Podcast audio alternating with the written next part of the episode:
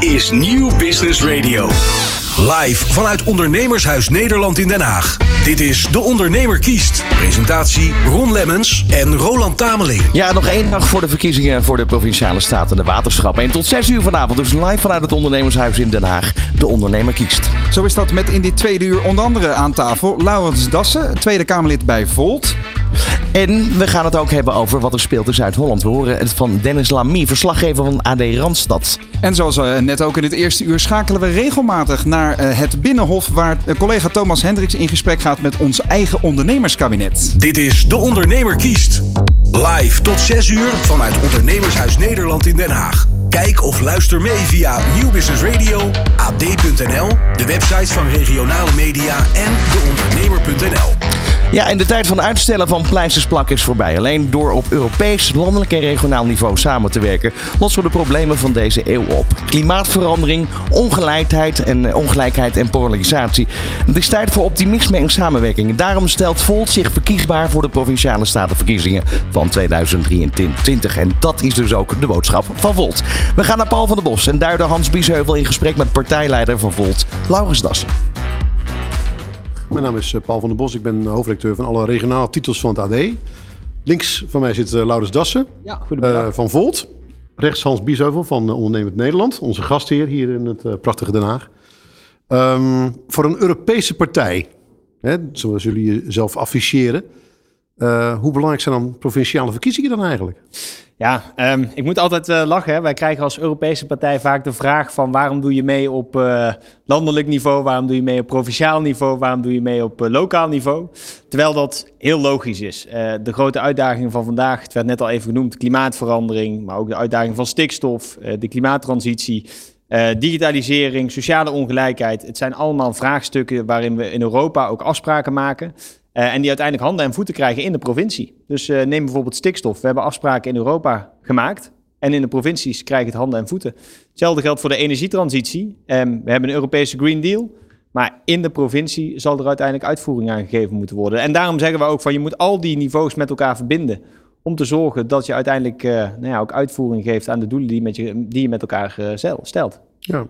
Hans, Volt, ik hoorde je net zeggen, populair bij jongeren. Je maakt het zelf mee. Hoe kijk je tegen deze partij aan? Nou ja, positief in de zin dat je gewoon hè, vooruit kijkt, hè, niet te veel terugkijken, wat je bij sommige partijen ook ziet. Mijn dochters, ja, die zijn nog jong, die studeren. Nou, die zeggen, hey, Volt, dat spreekt me wel aan.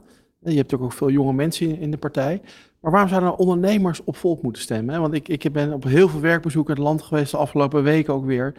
En die ondernemers zijn een beetje afgehaakt. Die denken, ja, het gaat over stikstof, over migratie. Maar die zitten met de arbeidsmarkt. Hè. Die kunnen geen mensen vinden. Die willen een elektrische bus kopen, maar die kunnen hem gewoon niet opgeladen krijgen. Wat heeft Volt te bieden voor ondernemers? Nou ja, heel concreet meteen op deze twee punten. Kijk, arbeidsmarkt is een van de grootste uitdagingen waar we op dit moment mee zitten. En een van de mogelijkheden die we hebben om mensen ook om te scholen naar uh, tekortsectoren, hè, in de techniek, in de ICT, is via het stapbudget. Nou, dat is een budget, uh, daar zijn uh, een paar honderd miljoen is daarvoor elk jaar beschikbaar, maar dat wordt nu ja, heel breed neergezet. Van aromatherapie tot aan, uh, uh, nou, ik geloof, uh, edelstenen verzamelen of zo. Um, maar dat moeten we gerichter inzetten. Om te zorgen dat juist de mensen die een omscholing willen, dat we die ook kunnen begeleiden naar die tekortsectoren. Want uiteindelijk loopt Nederland deels vast omdat we die energietransitie niet snel genoeg maken. En dan kom ik bij je tweede puntje wat je zei.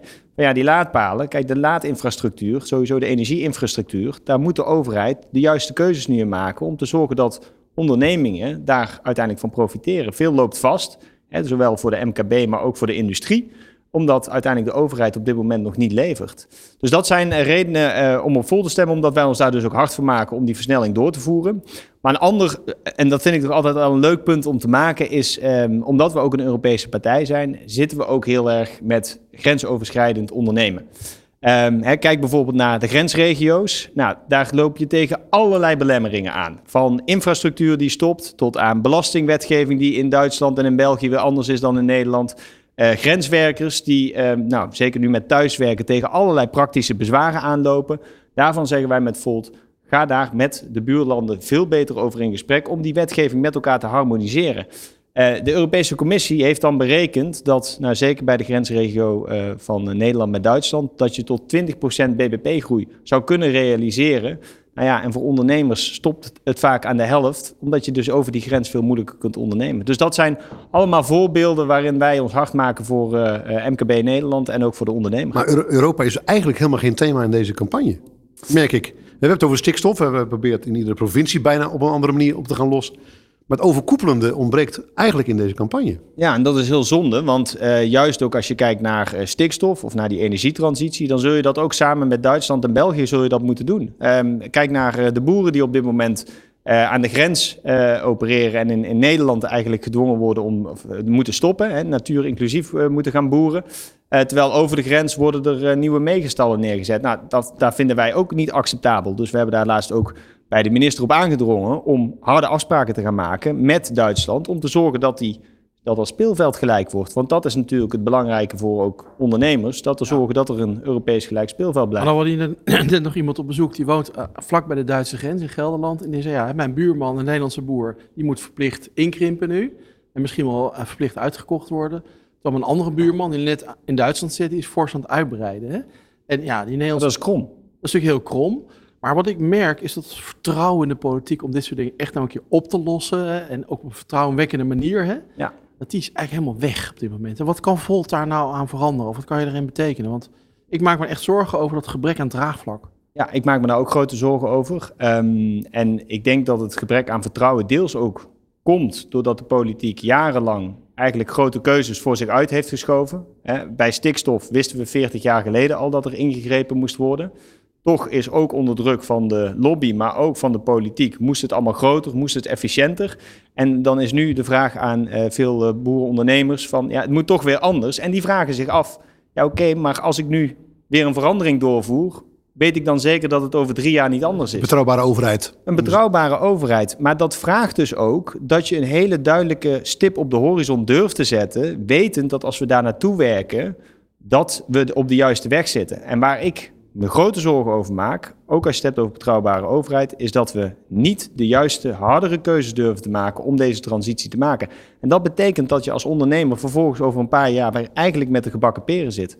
Um, ik spreek uh, verschillende ondernemers hier ook over en boerenondernemers en die zeggen ook van joh, als wij weten waar we naartoe moeten, dan kunnen wij daar zelf dan van bepalen of we er ja of nee tegen zeggen. Maar nu weten we niet eens waar we naartoe moeten. Nou, en dat zorgt voor ja, uiteindelijk een gebrek aan draagvlak. En waardoor mensen uh, onzeker worden. En dat vraagt dus om hardere keuzes. Maar in uw métier hè, de, van de politiek.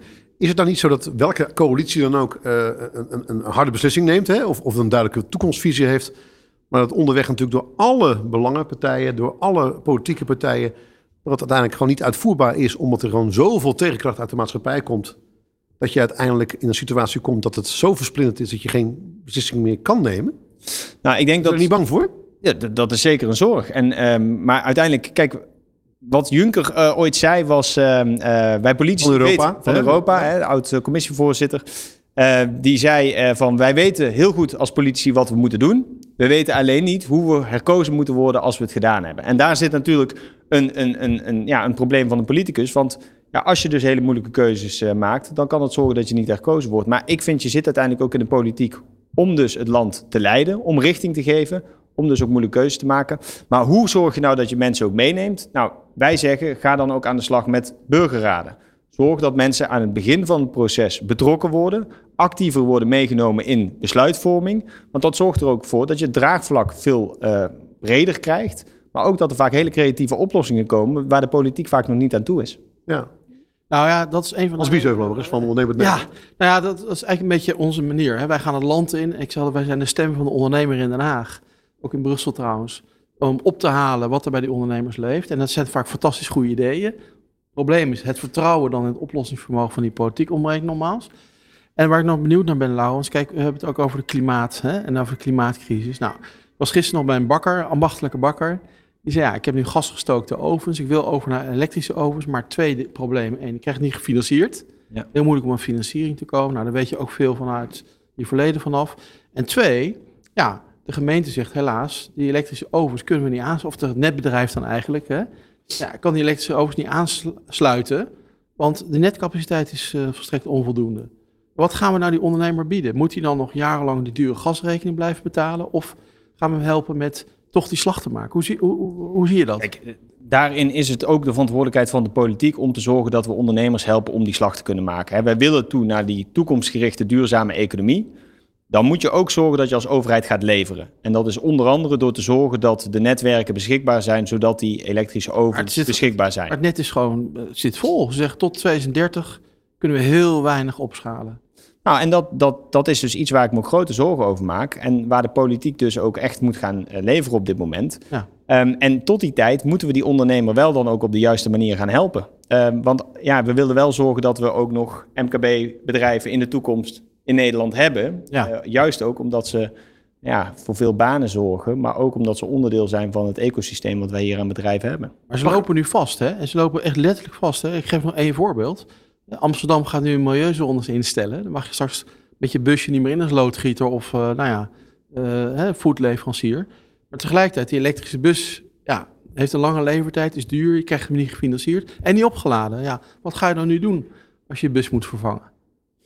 Ja, nou goed, kijk, ehm, daar, daar denk twee dingen over. Hè. We moeten wel over met elkaar. Eh, we moeten toe naar die duurzamere economie. En ehm, we hebben jarenlang hebben we onszelf te afhankelijk gehouden van fossiele brandstoffen. En daar betalen we nu ook een hele hoge prijs voor. Dus ik denk ook hè, dat op het moment dat we nu zeggen, ja, we, moeten het nog verder vooruitschuiven, dat alleen maar die prijs nog groter gaat worden. Ik geloof dat in Duitsland is een eh, berekening geweest afgelopen week dat de klimaatschade mogelijk 900 miljard eh, gaat kosten aan het bedrijfsleven. Dus ja, laten we zorgen dat, eh, dat we dat zoveel mogelijk in Nederland voorkomen. Maar dan moet de overheid daar ook bij gaan helpen om die ondernemer dus ook om te zetten. En, en dat is met regelgeving die versimpeld moet worden. Maar dat is ook door te zorgen dat eh, bepaalde financiering makkelijk toegankelijker wordt. Ehm, en zeker ook voor kleine ondernemers, voor start-ups die willen doorgroeien. Zie je nu dat eh, financiering een heel groot probleem is. Ehm 75% van de start-ups die willen doorgroeien naar scale-ups, die worden uiteindelijk in Chinese of Amerikaanse handen overgenomen. Ehm, daarvan zeggen we ook, nou, de EIB komt met een initiatief, hè, de Europese Investeringsbank, om te zorgen dat er meer financiering beschikbaar komt voor, eh, voor die start- en scale-ups. Nederland is daar nog niet bij aangesloten. We hebben ook de tegen de minister gezegd, ga daarmee aan de bak. Maar ook eh, zaken, en dat is wel heel Europees, maar het afmaken van de kapitaalmarktunie, waardoor investeringen, hè, private investeringen in bedrijfsleven beter en makkelijker worden, zijn voor dit soort transities ook heel belangrijk. Want dan kunnen ondernemers ook investeren met elkaar. Nou was u eh, bij de vorige verkiezing heel populair bij studentensteden. Hè? Eh, veel bij jongeren, hoogopgeleide jongeren. Ehm, nu is eh, GroenLinks samengegaan in een, in, een, in een samenwerkingsverband met de Partij van de Arbeid. We hebben D66 natuurlijk nog. Hoe groot is de, de concurrentie op, in uw speelveld van, de, van het electoraat? Nou, kijk, ehm, wij, wij zijn een, een Europese partij, dus eh, wij eh, eh, spelen in dat opzicht een... een Dat is al de achterban een beetje. Hè? Dat is, Nou, onze eigen wedstrijd. En het leuke van Volt is, vind ik ook, van hè, we hebben zeker raakvlakken ook met de partijen die net genoemd werd. Maar wij werken ook samen met de VVD en SGP en CDA een initiatiefwet voor 2% eh, vastlegging van de NAVO-norm. Omdat we bang zijn van, nou ja, we hebben de afgelopen jaren gezien dat de veiligheid in Europa, dat we daar veel meer gezamenlijk op moeten doen. Maar dat we dat ook niet voor lief kunnen nemen. En ter verduidelijking, Nederland moet gewoon gaan betalen wat ze contractueel zijn Precies, we hebben daar jarenlang geleden al afspraken over gemaakt. En we zetten, nu is het heel duidelijk dat die noodzaak er is.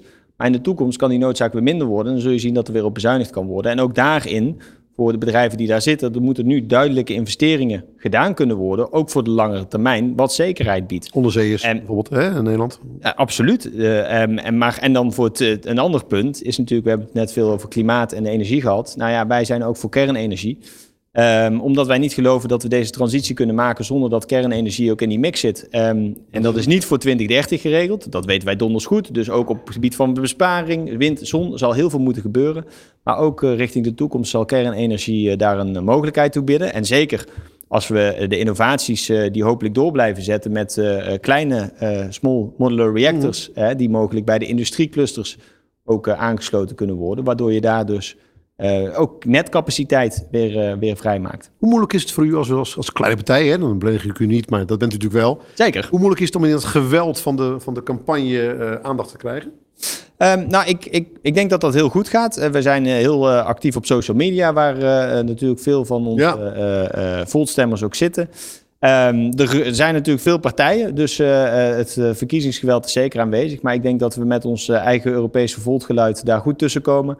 Ehm, dus eh, ik heb er alle vertrouwen in dat we morgen ja, een heel mooi resultaat gaan neerzetten. En dan zijn we in vier jaar eh, op alle niveaus eh, vertegenwoordigd. En ik denk dat dat toch een bijzondere prestatie is. Waarvoor mag Mark Rutte u dadelijk bellen als, als hij in de Eerste Kamer steun nodig heeft? Wat zijn nou de eerste dingen die hij zegt van nou, ik ga Volt bellen, want dan krijg ik bij hen wel het beste voor elkaar? Nou, kijk, dan moet het klimaatbeleid ambitieuzer. En dan moet hij ook zorgen dat hij aan de slag gaat met de kerncentrales en onderzoek en innovatie. Dat is wel een hele belangrijke. En ik denk ook, een van de grote zorgen die we met elkaar toch hebben, is dat de sociale ongelijkheid in Nederland steeds groter wordt. Eh, dat zorgt voor veel eh, zorg. Ook eh, bij, bij ondernemingen. Ehm, want als we zorgen dat we steeds verder uit elkaar groeien, dan is dat ook een beetje ja, de staat van de samenleving die uitgehold wordt. Dus ik vind ook dat Rutte ervoor moet gaan zorgen dat we een eerlijkere belasting op vermogens gaan invoeren. Zodat de belasting op arbeid omlaag kan, zodat mensen daar weer van kunnen profiteren. Wat vinden ondernemers er overigens van, van het laatste? Dat is een, dat is een heel actueel punt hè, in de Nou ja, kijk, onderne ondernemers zijn op dit moment vooral onzeker. Hè. Dat is het afgelopen jaar ontzettend veel aan de knoppen gedraaid van een belastingstelsel. Tegelijkertijd zie je dat de uitvoering op allerlei maatregelen moeilijk is. Als ik de belastingtelefoon probeer te bellen, nou, het is echt helemaal kansloos. Hè? Er zijn nu ook honderdduizend ondernemers die met de coronaschulden zitten, waar ze niet goed weten hoe ze die moeten gaan aflossen. Dus ondernemers zijn vooral heel onzeker, weinig vertrouwen in de uitvoering bij de politiek. Dus ik denk dat dat primair uh, ja, aangepakt moet worden. Wil je überhaupt draagvlak krijgen weer voor nieuwe maatregelen? En dan wil ik je toch nog wat over vragen, Laurens. Je bent nu twee jaar in die Tweede Kamer. Nou, we maken dit programma ook vooral voor ondernemers in het land. Wat heb jij de afgelopen twee jaar kunnen bereiken voor die ondernemers? Noem eens iets op waar je zegt, nou kijk, daar hebben wij als Volt nou echt het verschil gemaakt als het gaat om ondernemerschap, ondernemersklimaat. Nou, kijk, er was een, een, een, maand geleden geloof ik nog een heel debat over vestigingsklimaat. Waarin we juist dus die aan uh, uh, de minister hebben opgeroepen van ga nou ook zorgen dat financiering voor kleine ondernemers die willen doorgroeien, dat dat veel makkelijker beschikbaar wordt. Sluit aan bij de initiatieven van de Europese Investeringsbank, zodat Nederlandse ondernemers daar ook van kunnen profiteren. We hebben voor het Europees Herstelfonds, uh, ook in het Europees Parlement, hebben we ook gezorgd dat die gelden beschikbaar moesten worden voor MKB-bedrijven. Um, dus ik denk dat dat uh, twee mooie voorbeelden zijn waarop uh, wij uh, hier voor MKB Nederland aan de, slag, aan de slag zijn. Jullie als internationale partij, hè? Ja. Even. Kijken jullie dan ook niet, behalve de provinciale statenverkiezingen, ook met heel veel zorg naar Amerika, waar ineens, ineens allemaal banken nu allemaal problemen gaan vertonen? Want uiteindelijk, uh, we hebben veel crisis in Nederland, hè, maar een financiële crisis kunnen we natuurlijk helemaal niet meer erbij krijgen, denk ik. Nee. Heb je daar met, met enige angst naar? Um, politiek? Nou, uh, kijk, uh, zeker. Hè, de, de, het omvallen van de, de, bank en de overname door de Amerikaanse regering uh, van de SVB, die, waar ook Nederlandse techbedrijven bij, bij geleend hebben, dat is zeker zorgwekkend. Um, en dat zullen we ook goed in de gaten houden om te zorgen dat dat natuurlijk niet over kan slaan. En ik kijk nog wel ook om een andere reden met enige zorg naar de Verenigde Staten. En dat is de Inflation Reduction Act. Uh, waarin ook nou ja, veel Europese bedrijven zich uh, uh, naar Amerika weten te verplaatsen. Protectionisme voor. Protectionisme. Ja. En de besluitvorming in Europa duurt heel lang om te zorgen dat we ook de Europese bedrijven op de juiste manier tegemoet weten te komen. Um, om twee redenen. Uh, we hebben aan de ene kant hebben we ook die Europese bedrijven voor de toekomst nodig. Denk aan batterijfabrieken die nu vertrekken. Denk aan waterstof. Hè, als je het hebt over uh, toekomstige investeringen. Um, maar dan moet ook de overheid daarop uh, op gaan leveren om te zorgen dat we die hier kunnen behouden. En daar moet wel tegenover staan dat we ook met elkaar de verduurzaming dan gaan versnellen. Gewoon een bondgenoot, Hans. Ja, nou ja, maar je zegt goede dingen. Alleen het is jammer dat jullie nog zo klein zijn wat dat betreft in die Tweede Kamer. Maar morgen maar, weer een stukje groter. Daarom, daarom, maar, maar Laurens, toch. Hè? Kijk, uh, je hebt over vestigingsklimaat, maar hè, we hebben Kamerleden, niet jullie, hè, maar als je applaudisseren toen Shell Brits werd, toen Unilever Brits werd, hè, toen DSM Zwitsers werd en ga zo maar door. En we zien ook ja, toch wat, wat onaangenaam klimaat als het gaat over bedrijfsleven in politiek Den Haag. Hè. Wordt, vind ik, negatief over bedrijven gesproken als je draagvlak in het land wil bij ondernemers om die digitalisering te doen, om die verduurzamingsslag te maken, dan moet dat toch echt wat gaan veranderen, vind ik. Hè? Want bij al die werkbezoeken die ik doe, hoor ik maar één ding van ondernemers. Ja, in Den Haag begrijpt ons niet meer. Hoe komt dat nou? Wat, wat, wat gaat er nou mis?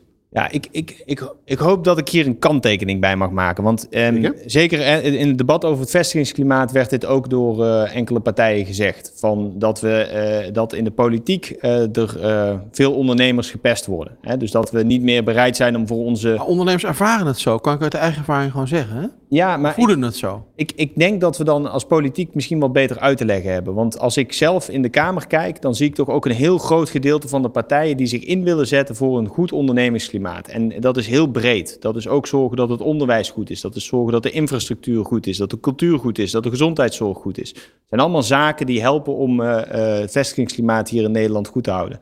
Ehm, ik denk dat we als politiek daar dan ook wel wat uit te leggen hebben. Want ik ervaar het juist dat we ook het bedrijfsleven willen klaarmaken voor de toekomst. Om te zorgen dat we ook concurrerend blijven op wereldschaal. Want daar gaat het inmiddels om.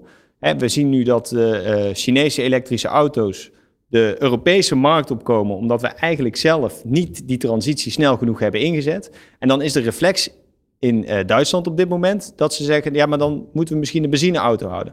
Dus ook daarin moeten we eh, kijken hoe we ondernemers zo goed mogelijk kunnen helpen richting die toekomst. Als, eh, ik ga graag met jou Hans ook ehm, eh, in gesprek met ondernemers om te kijken van hoe kunnen wij als politiek dat dan nog verder verbeteren. Waar kunnen we bijvoorbeeld regels wegstrepen om het leven van een ondernemer makkelijk te maken? Um, maar ik denk ook dat we in deze gepolariseerde samenleving, waar continu al iedereen tegenover elkaar aangezet moet worden, denk ik ook dat het belangrijk is dat ook politiek juist ook voor ondernemers is. Er komt een werkbezoek, begrijp ik. Ehm dankjewel. Laurens Dassen, Volt. Hoeveel zetels in de Eerste Kamer? Uh, we hopen op twee. Hoop op twee. Dankjewel voor je komst hier, Hans en, en Laurens. Dank. Heel mooi, een verhaal over het wegstrepen van de regels. Een helder verhaal over uh, uh, de toekomst dus wat uh, Volt betreft. Dat was Laurens Dassen van Volt in gesprek met Paul van der Bos. De hoofdredacteur van de regionale titels van het AD. En onze politiekduider en voorzitter van ONL, Hans Biesheuvel. Dit is De Ondernemer kiest. Live tot 6 uur vanuit Ondernemershuis Nederland in Den Haag. Kijk of luister mee via Nieuw Business Radio, ad.nl, de websites van regionale media en deondernemer.nl. Ja, we schakelen even over naar Alphen aan de Rijn, want daar op de redactie van het eh, AD Regionaal zit uh, verslaggever politiek Dennis Lamy. Um, Dennis, jullie redactie zit in het Groene Hart. Wat zijn daar op dit moment de hete hangijzers? Ja, goedemiddag. Um, nou, het Groene Hart zelf, of wil je Zuid-Holland uh, nemen? Of zullen we beginnen nou, met laten we eens even beginnen gewoon uh, ja, rondom de redactie. Groene Hart. Oké. Okay. nou, dat zijn dan vooral ja, wat meer landelijke thema's, zou ik bijna willen zeggen. Bijvoorbeeld, uh, nou ja, het, het, openbaar vervoer is nogal een thema. Um, er zijn nogal wat kleine dorpenkernen die, nou ja, die echt, wel, echt wel moeilijk hebben om bereikbaar te blijven. Um, we hebben onlangs natuurlijk het nieuws gehad, dat, dat is al landelijk, maar dat uh, bijna 10% van de, van de buslijnen verdwenen is. En dat merk je ook hier wel in de regio. Dus uh, nou, dat is wel een van de thema's. Dus vooral de jongeren leeft dat. Um, maar goed, stikstof uiteraard. Uh, we hebben natuurlijk heel veel boeren in dit gebied. En um, nou ja, goed, het zal je niet ontgaan zijn dat dat een groot onderwerp is. dus um, nou ja, dat onder andere. Ja, hoe zou je nou de, de provincie Zuid-Holland totaal kunnen typeren? Ik bedoel, je hebt het nu over boeren, over stikstof. Andere kant is ja. het natuurlijk ook een heel stedelijk gebied. Ja, absoluut. Ik denk ook niet dat het één, uh, nou ja, uh, overkoepelend thema te benoemen is voor de hele provincie. Uh, als zijnde, nou, dat is echt het thema. Ik denk je echt moet kijken naar de verschillende gebieden die er in deze provincie zijn. nou, je zegt het zelf al, je hebt de stedelijke lint in het westen. Van bovenin Leiden, nou ja, via Den Haag, Delft, helemaal tot naar Rotterdam, naar Dordrecht. Um, maar ja, je hebt natuurlijk een heel goed landelijk gebied waar echt hele andere dingen spelen. Waar je, nou ja, als je door, door het gebied rijdt, de omgekeerde vlaggen ziet hangen. Um, dus ja, ik denk niet dat er één uh, Zuid-Holland bestaat uh, op het gebied van uh, verkiezingsthema's. Nee. Wat dat betreft is het ook een heel andere manier van verslaggeven, kan ik me voorstellen, dan wanneer je in pak een beet Brabant of, of Friesland zit. Hè? Waar, waar toch echt de Brabander en de Fries een soort iconische status aan zichzelf toekent. Want de Zuid-Hollander bestaat niet echt, hè Dennis? Uh, als je het mij persoonlijk vraagt, denk ik nee. Ik kom zelf uit Groene Hart, dus ik, ik kan ook wel een beetje uit ervaring spreken. Ja. Ik, ik, nee, uh, met de grote stad heb je dan niet zo heel veel. Uh, althans, niet heel veel tegen, dat ook niet. Maar je, je voelt je niet zo snel ook in Rotterdam of zo. Het vaak voorgesteld als je in Leeuwarden woont. Of als je in Friesland woont, dat je ook wel iets met de hoofdstad Leeuwarden hebt. Of ja, zo. precies. Dus, ja, dat is toch anders. En wat is jouw gevoel in Zuid-Holland? Hoe goed zit de politiek op het spoor van de juiste antwoorden voor de inwoners van de provincies? En, en met name dan de ondernemers? Ja, nou, als we afgaan op uh, de peilingen die er geweest zijn. Dus uh, vorige week hebben wij als AD een groot onderzoek uh, toegespeeld gekregen van INO Research. Ja. En daar bleek wel dat de, de, stedelijke gebieden echt, nou ja, echt wel lijken te gevallen voor VVD en PVV. Mm -hmm. En dat nou, met name het Groene Hart en dan met name de boerengebieden echt wel in half een BBB gaan vallen. Maar goed, dat mag niet verrassen. Maar, ja. um, uh, dus ja, het zit over ondernemers. Uh, dat is ook heel verschillend in Zuid-Holland. Je hebt natuurlijk uh, de haven ontzettend veel ondernemingen en grotere bedrijven, multinationals. Ja. Tot de, de kleine tot grotere boeren in het Groene Hart en alles wat ertussen zit. Ehm, wat je bijvoorbeeld wel merkt hier is dat je dat in, in de kleine kernen de kleine MKB's het moeilijk hebben. we hebben gezien na corona was het sowieso al moeilijk natuurlijk met sluiting.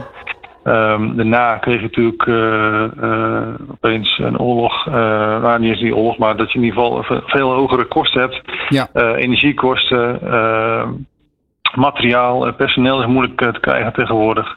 Dus we zien ook wel dat veel, veel meer MKB'ers, kleine MKB'ers, bakkers, slagerijen sluiten in dorpen. Terwijl je daar echt al heel lang zaten. Dus dat is wel een teken aan de wand, denk ik. Ja. Nu heb je het over dorpen, um, maar je hebt het dus ook over stedelijk gebied. Um, er is in het nieuws bekend geworden dat er 250.000 woningen gebouwd moeten worden in Zuid-Holland.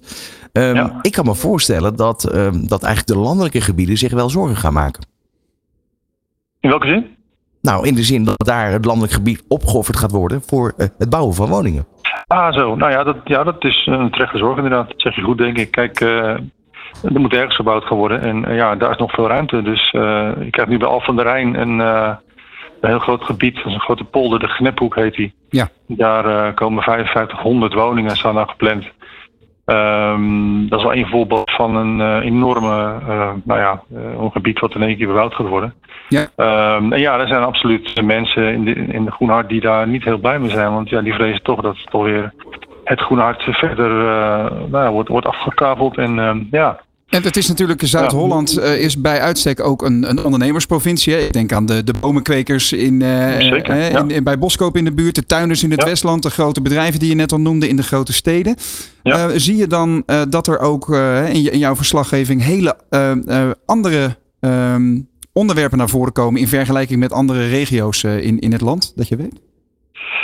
Dat vind ik lastig. Ik kan wel uh, zeggen dat er uh, een aantal lokale dingen wel spelen. wat je bijvoorbeeld veel, steeds meer ziet is, dit van mij ook wel in Brabant. Ja. dat is ondermijning op het platteland. dus CDA bijvoorbeeld expliciet in haar programma staan dat zij in Zuid-Holland echt een serieus plan willen bedenken voor, om dat tegen te gaan. Dus om criminaliteit en uh, met name dus criminaliteit een ondermijning om dat tegen te gaan op het platteland. Ja. Dus uh, nou, dat is een voorbeeld.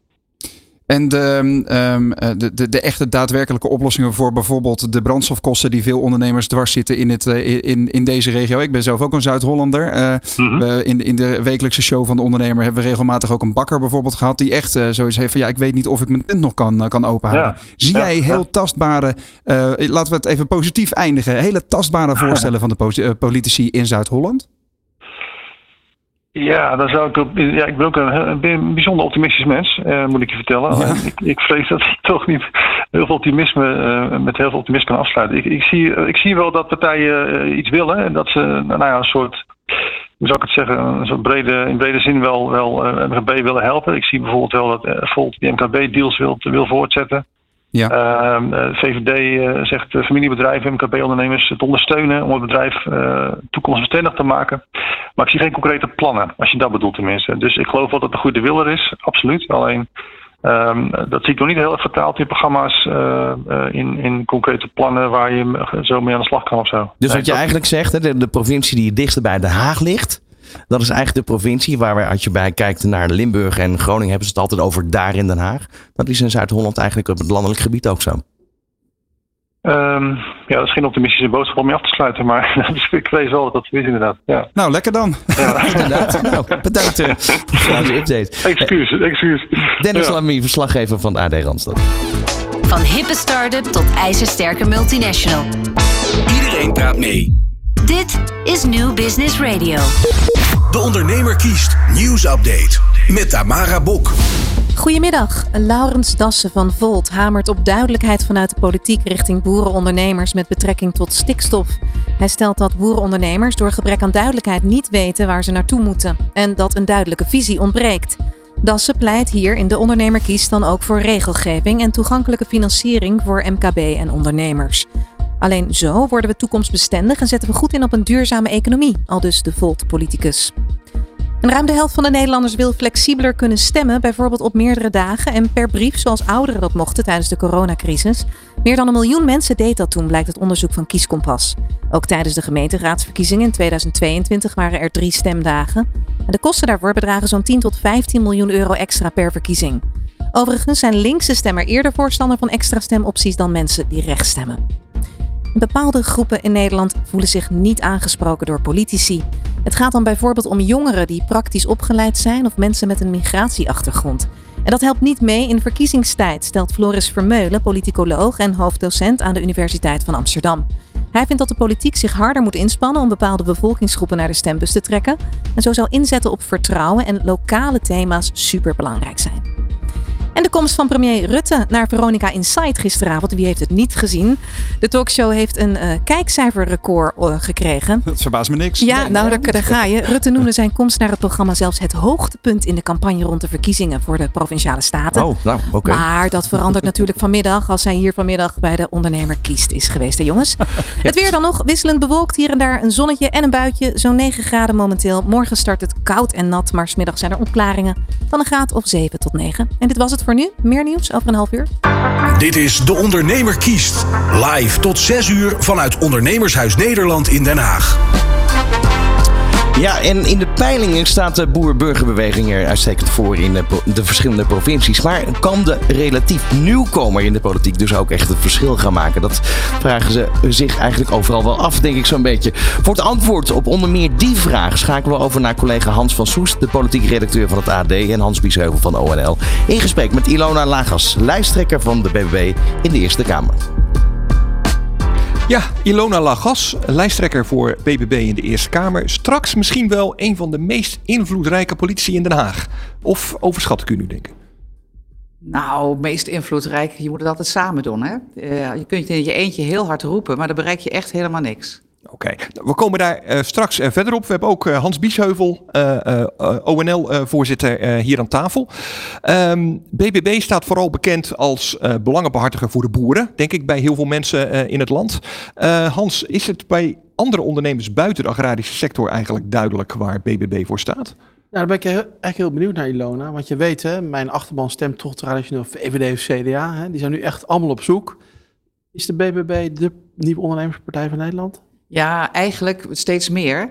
Want laten we eerlijk wezen, boeren zijn ook eh, ondernemers, hele goede ondernemers. En er zit een hele grote bedrijfstak achter, hè, op allerlei terreinen.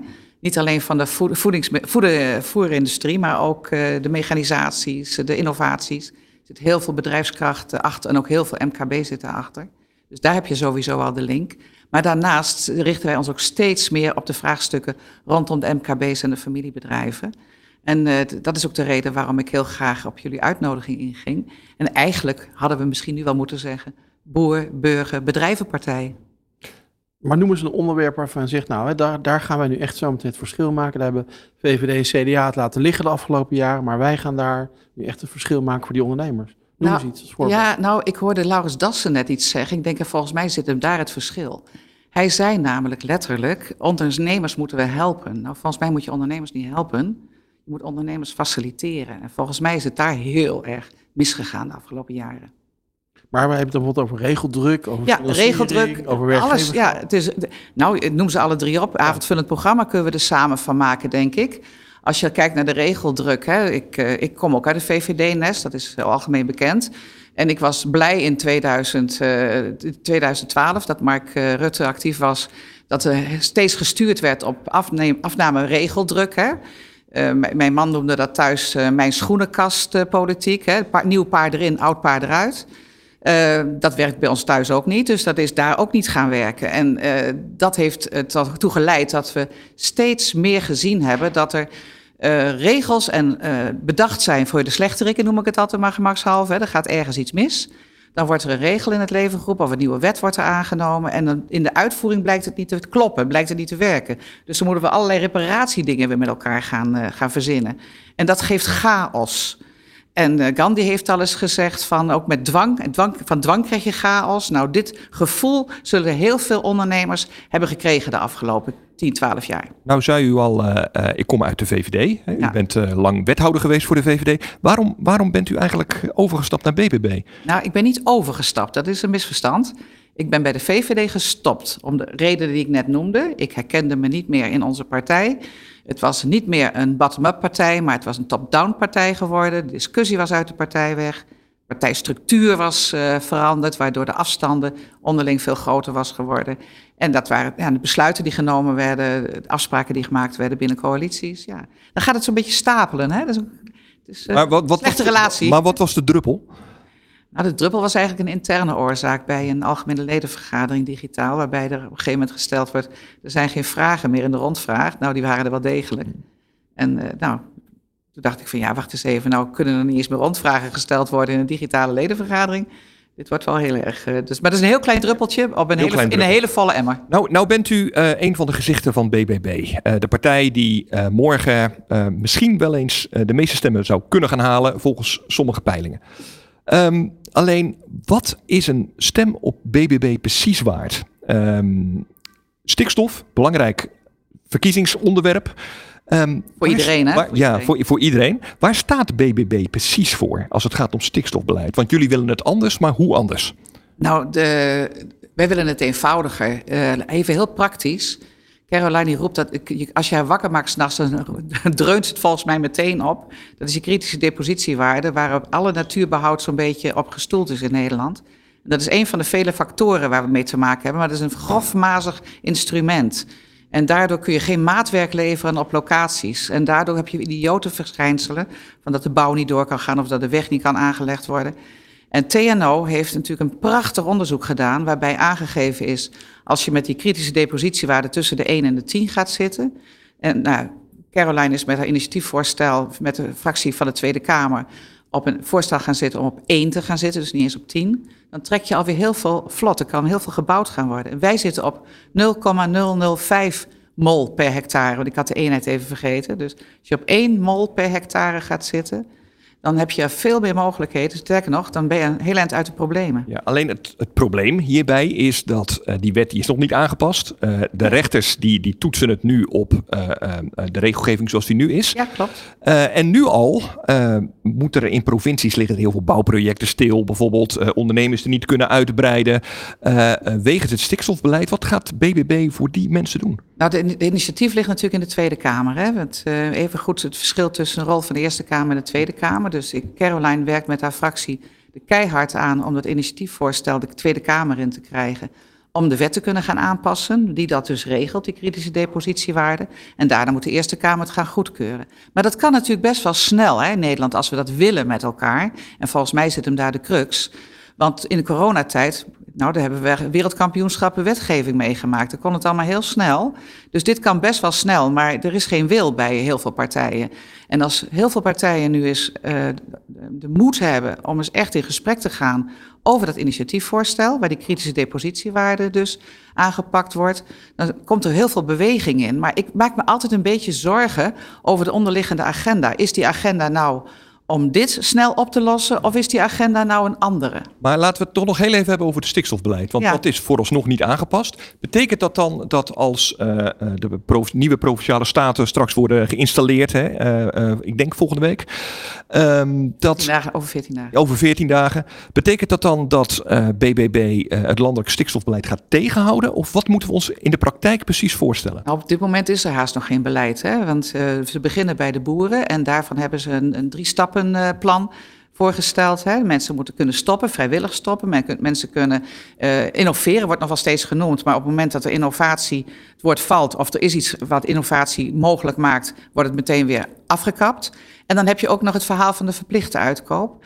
Met ook nog eens de opmerking die goudgerande regeling, hè, die mevrouw Van der Wal eh, vorig jaar gelanceerd heeft. Ik weet dat er bijvoorbeeld boeren zijn die al twee, drie jaar geleden gedacht hebben van nou, wij gaan stoppen, want ik heb geen opvolger. Dus we gaan eens kijken wat kunnen we met onze grond doen, wat kunnen we met onze, onze rechten doen. Maar die nu achteroverleunen van ja, als die regeling nou zo goudgerand is, terwijl ze misschien anders al weg waren ook nog uh, agrarische bedrijven die al gestopt zijn en die hun stikstofrechten nu verkopen, terwijl ze helemaal niet meer stikstof uitstoten. Nee, maar ik, ik begrijp het huidige probleem. Mm. Alleen provincies moeten van het kabinet voor 1 juli met een plan komen. Ja. Gaat BBB daar dan niet aan meewerken? Nou, als het goed is, hebben heel veel provincies dat al een end op de rails staan, de huidige gedeputeerden. En als je de onderhandelingen ingaat na de verkiezingen, die zijn dan, uh, vanaf volgende week zullen de onderhandelingen gaan starten. Nou, als het snel gaat, dan heb je inderdaad misschien ergens in april een nieuwe coalitie. En dan zul je toch heel kritisch moeten gaan kijken naar wat er op dit moment in het plan staat, plannen staan waar de provincies al mee bezig zijn. En als daar ruimte in is om aan te gaan sluiten bij die wetswijziging, ja, dan moet je die met beide handen aangrijpen toch eventjes, hè, om het even scherp te krijgen. Ik heb Caroline ook een paar keer gesproken de afgelopen tijd. Ik heb de indruk dat ze aan de ene kant zeggen, nou, ik onderschrijf wel de conclusie van het rapport Remkes. Hè. Aan de andere kant, hè, het gaat steeds over dat jaartal. Hè, hoorde ik gisteren mevrouw Kaag zeggen, ja, in de wet staat 2030, maar volgens mij staat in de wet 2035. ja, ja. Hoe zit BBB daar nou exact in? Zijn die nou voor, die, voor A, voor Remkes? En B, hoe zit hij nou in die, in die datumdiscussie? Ja, nou, de rem, voor Remkes, dat is te algemeen. Remkes heeft een aantal richtlijnen gegeven binnen zijn rapport waar, eh, waar, waar je prima mee aan de slag kunt. Maar die 2030 is gewoon een onhaalbaar verhaal. Laten we dat nou toch gewoon heel praktisch zijn. Wanneer krijgen we in Nederland nou in zo'n groot, hoog tempo iets voor elkaar? Als je al 6000 boeren op de korrel hebt voor verplichte uitkoop, reken die, die uh, juridische procedures alleen al eens uit. De rechtbanken die lopen vol met van alles en nog, want die hebben al geen tijd.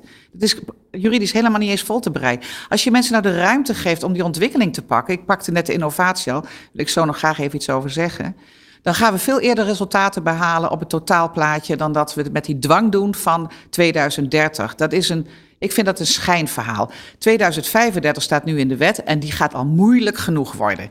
Even terugkomt op de, op de poot innovatie, die, uh, die toch iedere keer wel wat lastig over het voetlicht komt. Uh, het valt mij op dat, uh, dat wanneer de, bijvoorbeeld, dat is een heel uh, praktisch voorbeeld, hè, die emissiearme vloeren in de stallen, die blijken dan niet het gewenste resultaat te hebben, wordt er gezegd door metingen. Nou ja, door metingen. De rechter heeft daar een streep doorheen gezet. Nee, dat is wat anders. Dat is de pas. Dat is van de pasregeling. Nee, ook bij de, althans niet bij alle emissievrije stallen, maar een bepaald type emissievrije ja, stallen. Daarvan heeft de rechter gezegd, sorry, die Hij halen het resultaat niet. niet. Ja. Nee, nou, Ga nou eens even terug naar de tijd dat het eerste vliegtuig de lucht in ging. Zouden we daar nog mee de oceaan over willen steken? Nee, want de helft haalde het niet. Wat belangrijk is, is als je in een innovatieproces zit, dat je dat waar het niet de, de verwachtingen haalt, dus dat het niet werkt zoals je het verwacht had, ga je toch in een innovatie, dat moeten ondernemers toch aanspreken, ga je toch kijken, maar waarom haalt het het resultaat niet? In plaats van zeggen, het heeft het resultaat niet gehaald, dus we doen het niet meer. Dat is toch niet des Nederlands, dat is niet des ondernemers. Wij kunnen in Nederland, super, zijn we goed, supergoed in innovatie. Een ander voorbeeld van een innovatiekracht is de stikstofbreker uh, die, die, die bestaat. Een van de agrariërs bij mij in de buurt, die wilde heel graag eentje plaatsen om een hele flink te reduceren in de stikstofuitstoot. Het residu wat eruit kwam, kon naar de lokale hoveniersbedrijven, die ze weer in de tuinen kunnen gebruiken. Hij heeft hem door laten rekenen door de bank. Hij krijgt, een, hij krijgt notabene krediet. Dat is al bijzonder trouwens. Dat ja. is al heel erg mooi. Maar wat het probleem nou in één keer is, het is een losse plant heet dat. Hè? Het is een soort grote container, zeg maar, die tegen het bedrijf aangezet wordt. Ja, dat, is, dat valt dan onder het kopje bouwwerken, maar niet vast. Daar moet je een vergunning voor aanvragen. Dat gaat dan via de provincie in dit geval. En dan krijgt die beste man een vergunning voor een jaar om zo'n dure investering die hij in tien jaar kan afschrijven, te gaan aanschaffen. Ja, dus je helpt een stuk innovatie met stikstofreductie om zeep, terwijl het prima resultaat kan. Mag ik toch nog even aansluiten bij de vraag die Hans Biesheuvel net stelde? Ja. Die zei van waar staat uh, BBB nou precies voor? Want jullie onderschrijven wel het rapport Remkes. Uh, dus jullie willen wel dat, dat het. Okay, dus jullie willen wel dat uh, uiteindelijk het stikstofuitstoot daalt. Maar um, kan dat ook zonder minder vee? Ja, zeker kan dat zonder minder vee.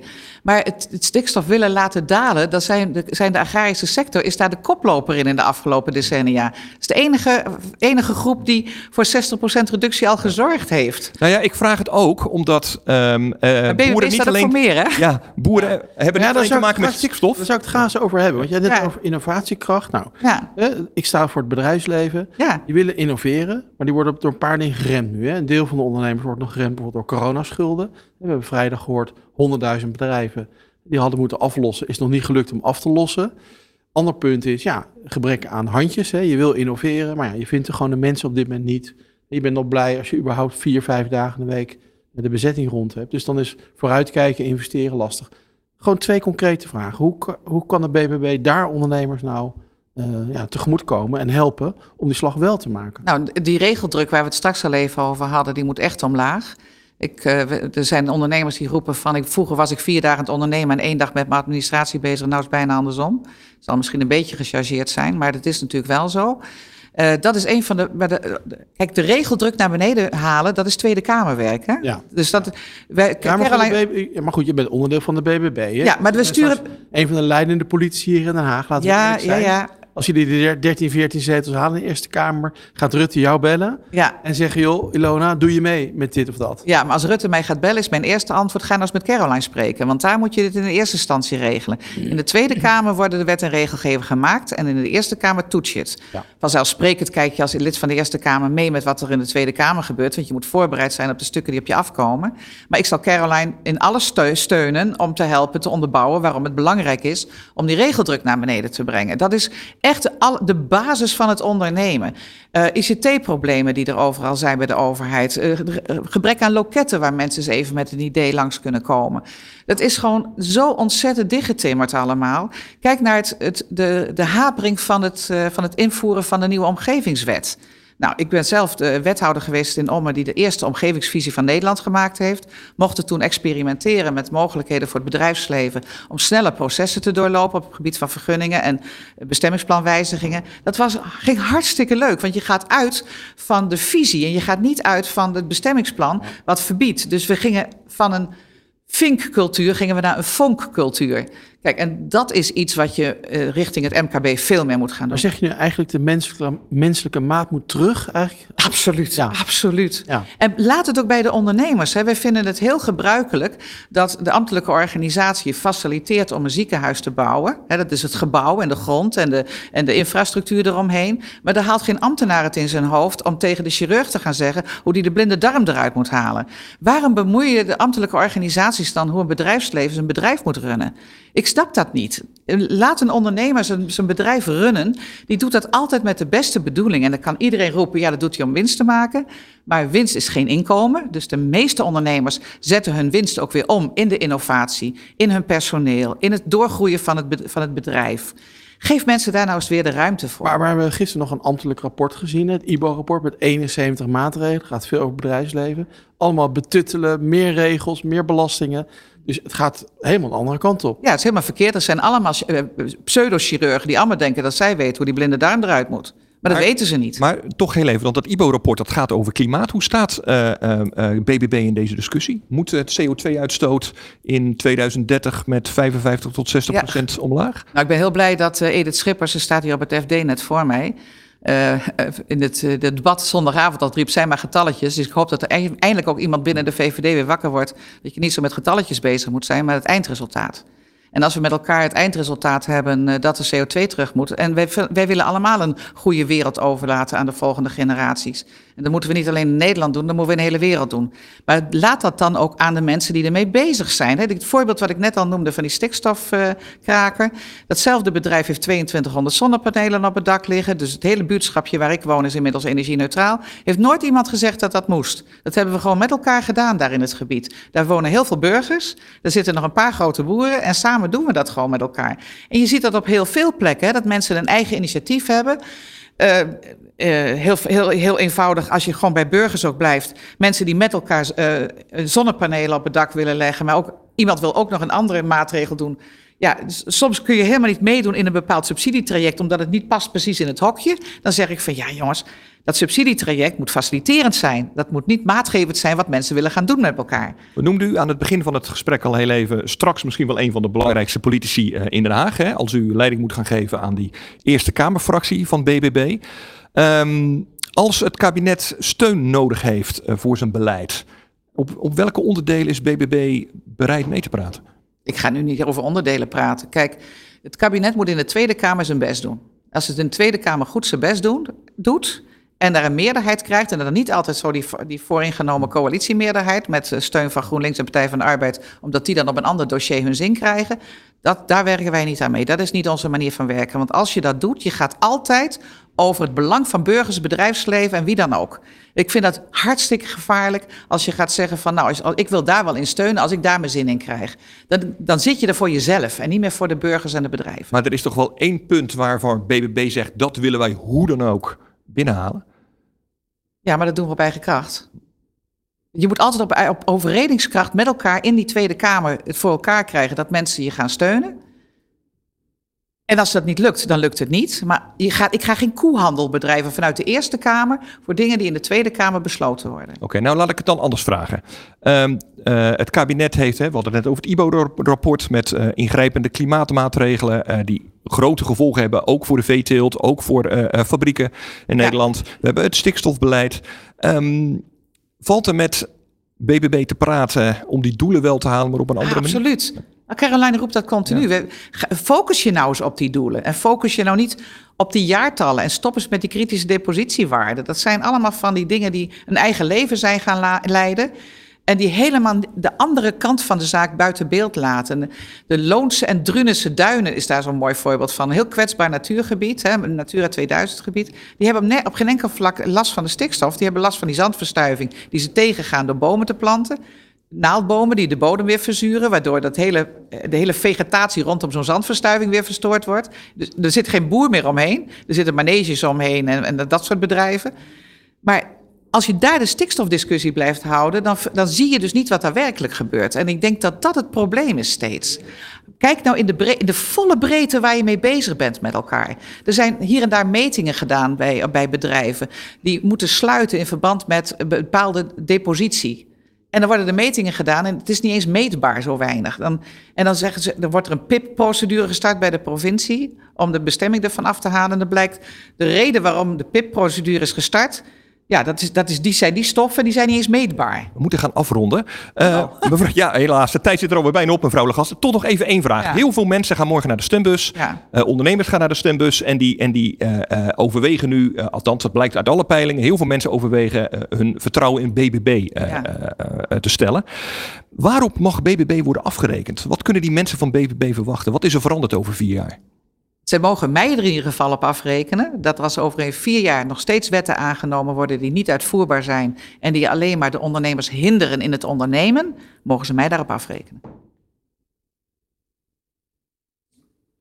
Dat was hem, Ilona uh, Lagas, lijsttrekker van de Eerste Kamer van de BBB. Dit is De Ondernemer kiest. Live tot 6 uur vanuit Ondernemershuis Nederland in Den Haag. Kijk of luister mee via Nieuw Business Radio, AD.nl, de websites van regionale media en deondernemer.nl. Ja, en uh, zoals, uh, zoals je weet, de hele middag hier ook uh, aanwezig in de studio. Uh, consumentenpsycholoog Patrick Westels. We gaan duiden, we gaan terugkijken op dit gesprek. Um, Patrick, als eerste de duidelijke vraag. Waar staat de BBB nu eigenlijk voor? Um, het is ooit begonnen natuurlijk bij die boerenprotesten. Daar zijn ze aangehaakt. Ja. En nu ze verder. Ja, nou ja, je, je hoort eigenlijk meteen hè, dat, dat natuurlijk, het gaat nog steeds om de boeren. De boeren zijn ook ondernemers. Maar er zijn meer ondernemers dan dat. Uh, en er zijn ook meer ondernemers die helemaal niets met de boeren te maken hebben, bijvoorbeeld. Hè. En die zullen ze nu toch moeten proberen aan te spreken. Uh, je merkt ook dat uh, boer-burgerbeweging is ook BBB. Dat is ook niet voor niets. Dat zorgt ervoor dat meer ondernemers zich daarin kunnen herkennen. Dat het niet alleen maar gaat om de boeren.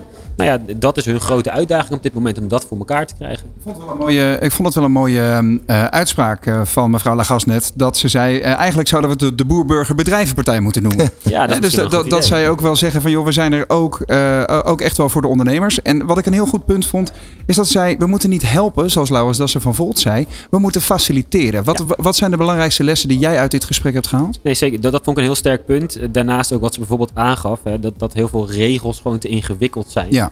Um, voor ondernemers geldt ook het hoeft allemaal niet zo ingewikkeld te zijn. Het moet veel duidelijker zijn waar we naartoe willen. Veel duidelijker zijn wat er kan, wat er niet kan. Er is niks zo erg als onzekerheid. Dat geldt voor boeren, dat geldt voor ondernemers. Ehm, en op het moment dat BBB het voor elkaar krijgt om duidelijk te zijn over dit kan wel, dat kan niet, Ja. is dat altijd nog beter dan misschien gaan we het wel regelen. Dat werkt niet. Ja, opvallende opmerking ook was eigenlijk dat ze zich zorgen maakt over de onderliggende agenda.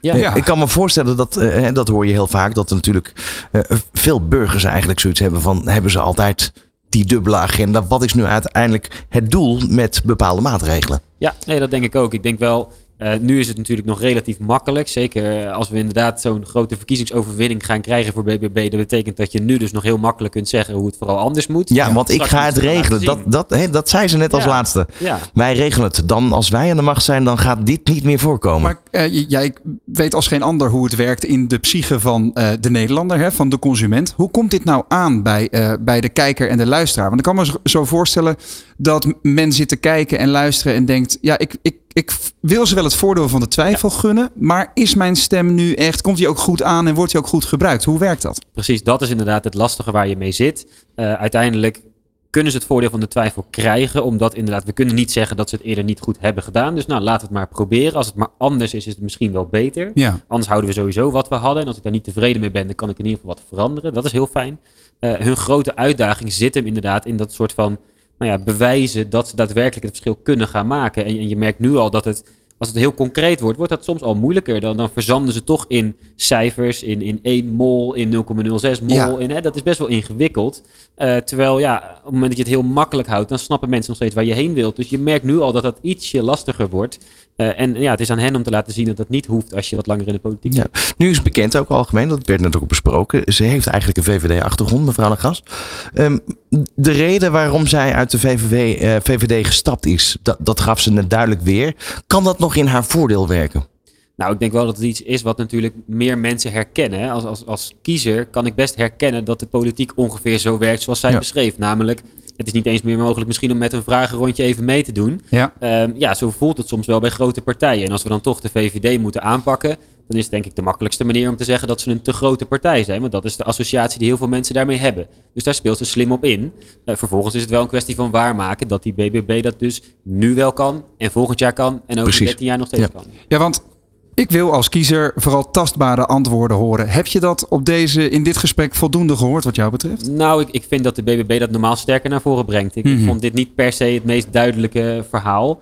Eh, om, omdat nogmaals, als het in de details moet gaan zitten, ook voor ondernemers, dat is ontzettend belangrijk. Ja. Maar het maakt het voor een zwevende kiezer niet makkelijker om je keuze te maken.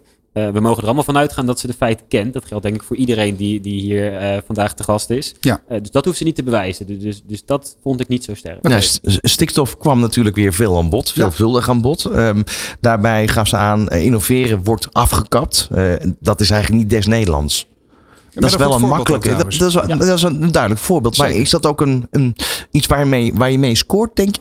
Nou, dat, dat helpt wel. En uiteindelijk willen we met z'n allen graag vooruit. Hè. Je moet je voorstellen eigenlijk dat op het moment dat je stil blijft staan. Er is nog wel een partij overigens die dit in deze campagne gebruikt. Als je stil blijft staan, dan voelt het als achteruitgang. Je wil Ja. graag een stap vooruit zetten.